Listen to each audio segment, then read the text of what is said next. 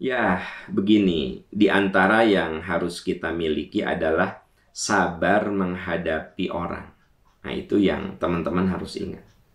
Sabar menghadapi orang. Jadi, kalau sabar itu bukan hanya sekedar menghadapi musibah, bukan hanya sekedar menghadapi penyakit, bukan sekedar menghadapi kekurangan harta, yang tidak kalah berat adalah sabar ngadepin orang.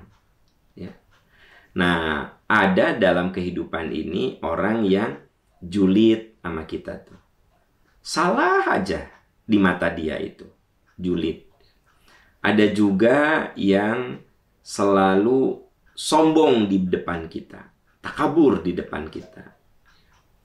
Ada juga orang yang kalau di kantor ngaku-ngaku kerjaan kita. Kita yang sudah lelah-lelah. Nah, kalau laporan itu seolah dia yang mengerjakan. Padahal dia tidak mengerjakan itu. Ini saudara-saudaraku tercinta, dalam kehidupan orang-orang seperti ini akan selalu ada. Yang iri sama Anda selalu ada, ya.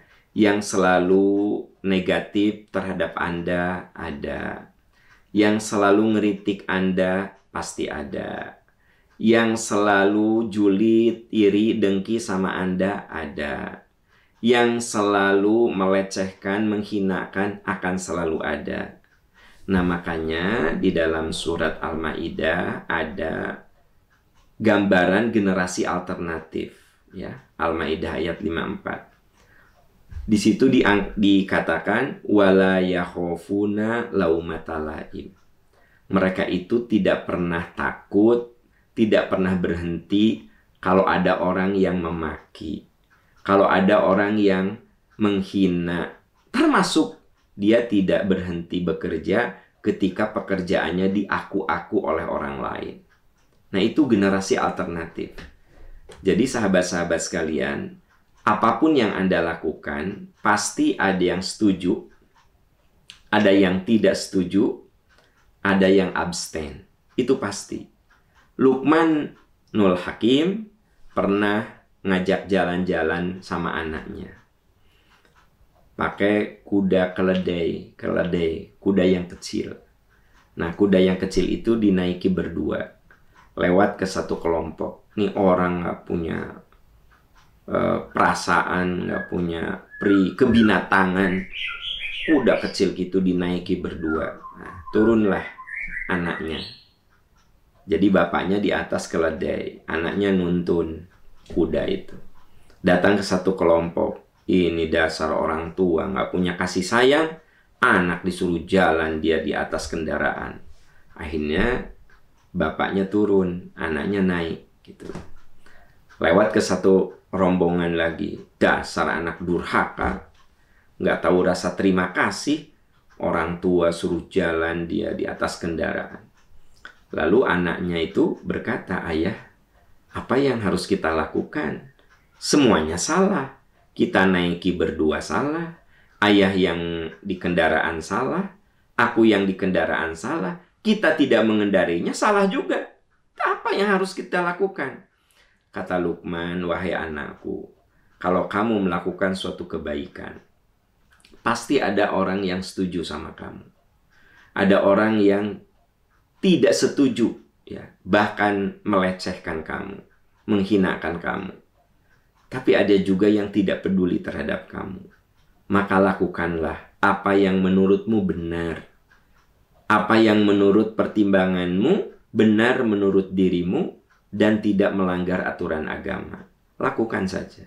Karena orang itu pasti ada yang tidak suka sama kamu. Nah, ini rumus harus kita pakai dalam kehidupan, termasuk Anda di kantor.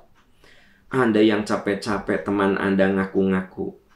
Ya, jalani saja lah. Karena pada akhirnya orang seperti itu juga satu saat akan ketahuan bahwa dia itu orang yang tidak berprestasi. Satu saat akan tahu dan orang akan tahu bahwa Anda sebenarnya orang yang punya prestasi itu.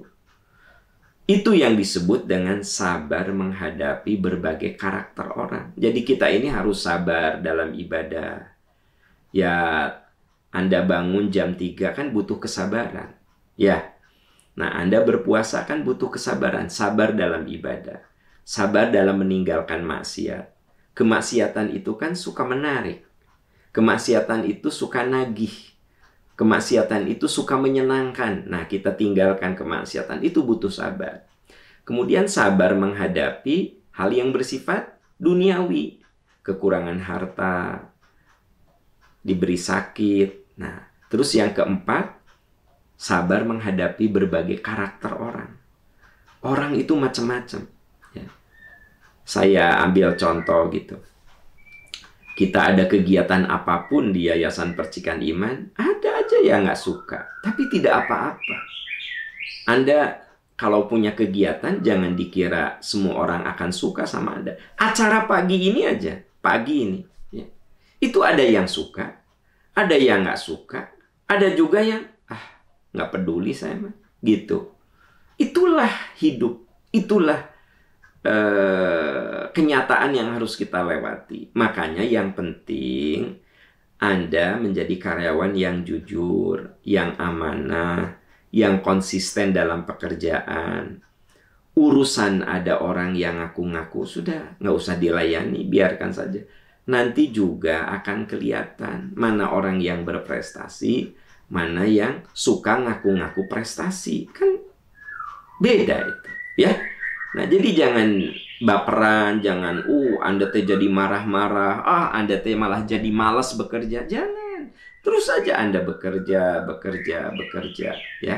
Faida farogta fansob wa ila rabbika fargob selesai kamu melakukan satu pekerjaan lakukan pekerjaan yang lain dan kepada Tuhan kamu harus berharap. Sudah itu rumus yang sangat indah Fa'idha farogta fansob wa ila rabbika fargob. Kalau kau selesai melakukan satu pekerjaan, kerjakan lagi yang lainnya dengan sungguh-sungguh. Wa ila rabbika fargob. Dan kepada Tuhan kamu berharap. Kepada Tuhan kamu berharap. Wa ila rabbika. Kepada Tuhanmu fargob. Kamu berharap. Itulah rumus supaya hidup kita ringan bekerja keras, ikhtiar sungguh-sungguh, laksanakan amanah, dan kepada Tuhan kita berharap, bukan kepada orang berharap itu. Ya, Wallahu alam bisawab.